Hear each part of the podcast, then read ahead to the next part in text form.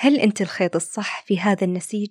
ولا عضو حاضر يسجل تواجده قدام الجماعة؟ لكن بالحقيقة غايب من كل النواحي.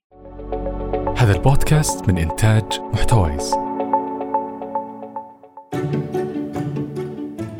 مر عليكم المشهد حق إنكم تكونون بمكان لأول مرة. أول ترم بالجامعة أول شهرين بوظيفة جديدة أول فترة بعد زواجك في إطار عائلتك الثانية. إن في شخص أو شخصين كل أحد يحبهم ويمدحهم. وكأنه رتويت جماعي لتغريداتهم بدون كوت يشرح لك سر موضوعهم بهالشكل. وش ممكن يكونون سووا عشان يستحقون هالمكانة؟ وشوي شوي تلقى نفسك تسوي مثلهم حتى تدخل بالمجموعة. ومع الوقت تتكيف مع السالفة وتنسى السبب اللي خلاك تسوي كذا. تعالوا نفكك هالفلسفة. بحلقة جديدة من فصول محتوايز. تخليك تتساءل وتحرك فضولك.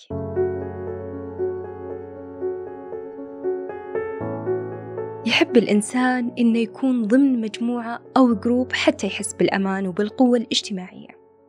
وكل ما كان ال group هذا سواء حق العائلة أو من بيئة تحتك فيها بتجربة مهنية أو مصلحة معينة يدعم توجهاتك ويخليك تحس بإنك مدعوم.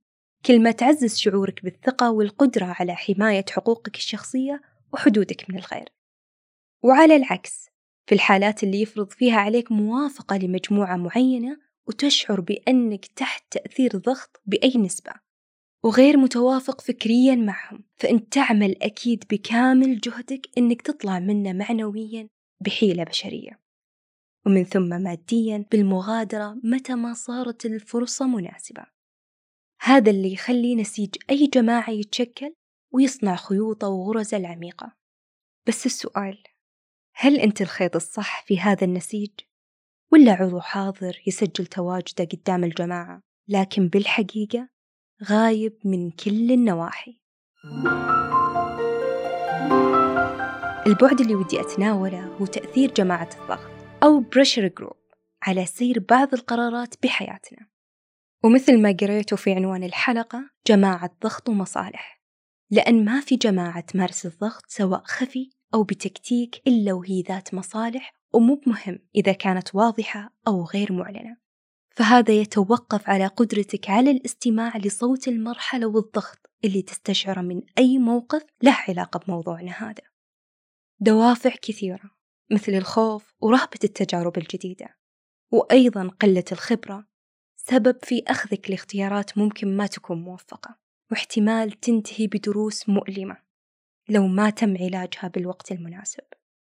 نرجع لموضوعنا للشخص أو الاثنين المؤثرين المحبوبين اللي ما تسجلت عليهم أخطاء للحين.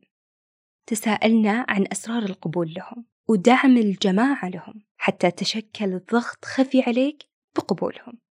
زي اللي سبقوك بالضبط. راح أعطيكم فرضية. فكروا فيها وكالعادة وسعوا الحوار. وخلوا اللي تحسونه مهتم أو صديقتك المهتمة بهالمواضيع تسمع الحلقة معك. سارة بنت طموحة. عندها منصة إلكترونية مختصة ببيع وإعارة الكتب. نقطة قوتها في إن بعض الكتب اللي هي توفرها نادرة وتجيبها معها من سفراتها لبرا. مرة من المرات اتعرفت على دانا. طموحها الأكاديمي بارز وتخلص تقريبا أكثر من خمس كتب بالشهر من اللي صفحاتها بين 300 إلى 400 صفحة وذكية اجتماعيا أكثر من سارة اشتغلوا مع بعض وصار وجود دانا مؤثر إيجابيا لسير العمل وقدروا أنهم يتخطون المراحل الصعبة وكملوا ست سنين وصار موقعهم مستدام. الزبدة توسعوا. وظفوا لهم بالجهة المذكورة أكثر من عشرين شخص. تسعة منهم مستمرين لكفاءتهم. اللي قاعد يصير إن دانا هي مربط الفرس بهذا العمل حتى أكثر من صاحبته الأساسية. والتأييد كل المعاليها سواء كانت صح أو غلط. عفوا في بعض الحالات ما ينظر للشخص صاحب القبول الواسع إنه أصلا يغلط. وهذه مفارقة ثانية. لو أنت أو أنتي مكان التسعة. وتحب جدا عملك ويوافق تطلعاتك فأغلب الظن أن التوافقية عندك بتعلى حبتين. شوفوا حنا كبشر نسلك أحيانا طرق ما نحبها فقط لحماية مصالحنا. وهذا شيء طبيعي جدا ومفهوم إلى حد كبير.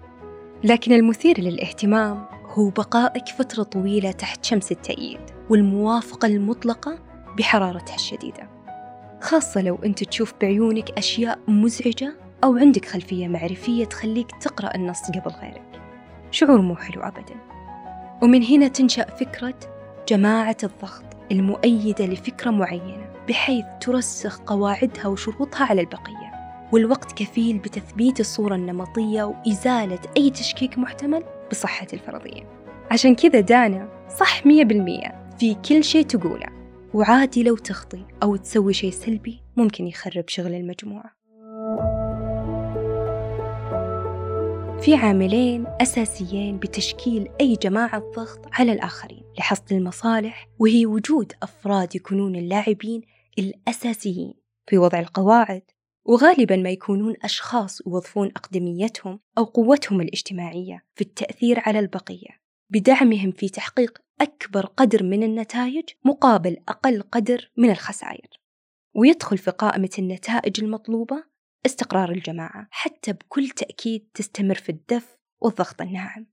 فيستبعدون فورا أي عنصر يفكر برا الإطار أو يسأل الأسئلة المحرجة اللي ما لها داعي بنظرهم. هذا العامل الأول. بالنسبة للعامل الثاني فهو أنت وأنت والتأييد المطلق اللي تعطونه لمؤسس المجموعة والتطبيل اللازم أحيانا وتعطيل النعمة اللي الله فطريا حطها فينا وهي تمييز الصح من الغلط والحلو من الشين. مقابل البقاء الاستمرار الهدوء حب الناس المنافع المكتسبة زي الفلوس والدرجات والمساعدة ببلاش وأي شيء آخر. اسمع صوت اللي يقول أنا أيدت ووافقت وعطيت صوتي عشان أشتري راحة بالي. صدق؟ حسيت بالراحة؟ سؤالي يخص المرة الأولى اللي خالفت فيها هواك؟ وقلت نعم لرأي ما أنت موافق عليه لكن بتأثير من جماعة ضغط معينة. أبى أقول لك شغلتين سريعتين حتى تستوعب فلسفتها زيادة. أولا جماعة الضغط ما تجيك رأسا وتقول لك سو أو لا تسوي. هي لغة صامتة لكن قوية جدا بتأثيرها وأثرها عليك.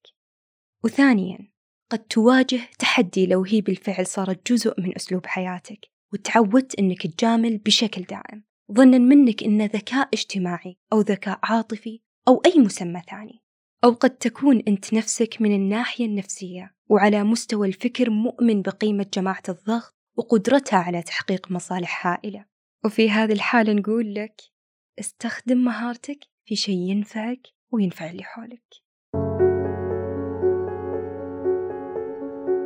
تكملة الحوار عندكم أصدقاء فصول محتوايز. القدامى والمنضمين الجدد شكرا لحبكم واستماعكم لنا. ولا تنسون تقيمون البودكاست. أختكم ألمها عيسى.